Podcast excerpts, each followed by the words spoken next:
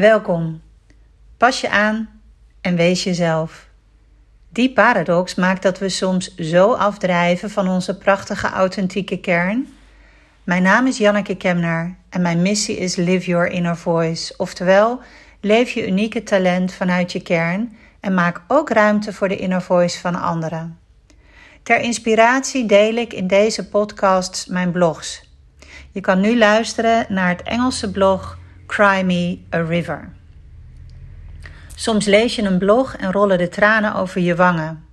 Deze deel ik zodat we altijd blijven herinneren dat stemgeven van levensbelang is. The sound of a baby crying is one of the most disturbing sounds there is to the human brain. The military has used the sounds of crying babies to torture people. The noise calls to the lowest parts of our minds and says that something is wrong. When people hear a crying child, their first response is to try to make the noise stop. Bottles, pacifiers, rocking, anything to alleviate this sound that seems to drill a hole through our head. The cries of a baby are an awful sound. At least, that's what I used to think. In 2006, my wife and I were in Almaty, Kazakhstan, adopting our son, our fourth child. In Kazakhstan, they have traditional orphanages.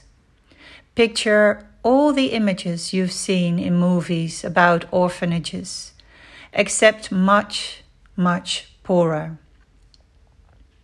This one was in an old Soviet compound surrounded by a crumbling stone wall.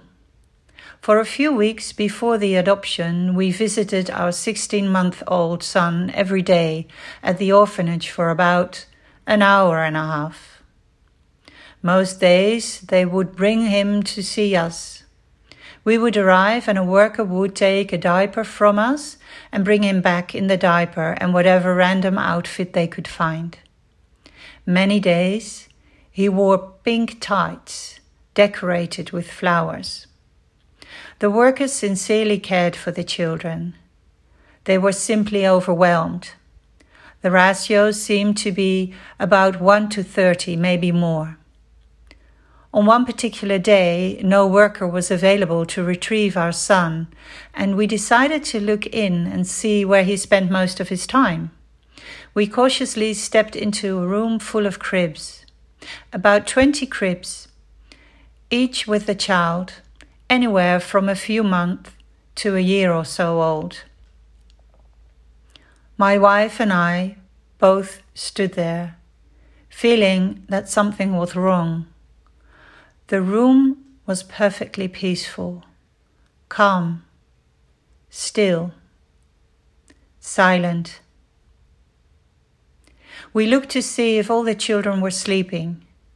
Only a few. Some sat up in their cribs. Most lay on their backs. We knew from visiting our son that he was always hungry. They didn't have enough to feed them properly. Our son was 16 months old and weighed about 15 pounds. A room of 20 hungry children should be a cacophony of cries. Even if they weren't hungry, some of them should need changing.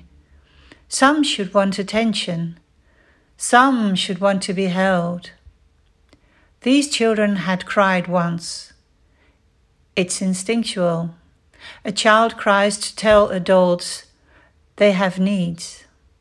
But if the child cries over and over and these needs aren't met, if no one comes, they soon learn that crying is pointless.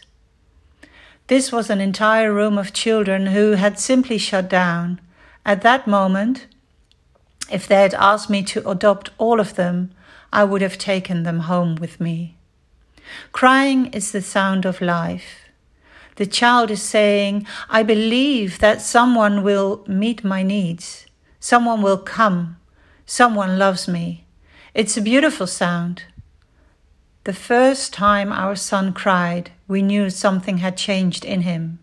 He realized that he would be responded to. The next time, that you're somewhere that a child cries. In a church, a restaurant, a theater, remember this. It's the purest call for love there is. Don't hate the interrupting noise. Rejoice that the cry you hear will be answered. This is written in The Loudest Silence I've Ever Heard, Travis Nordwood, on the 18th of February 2016.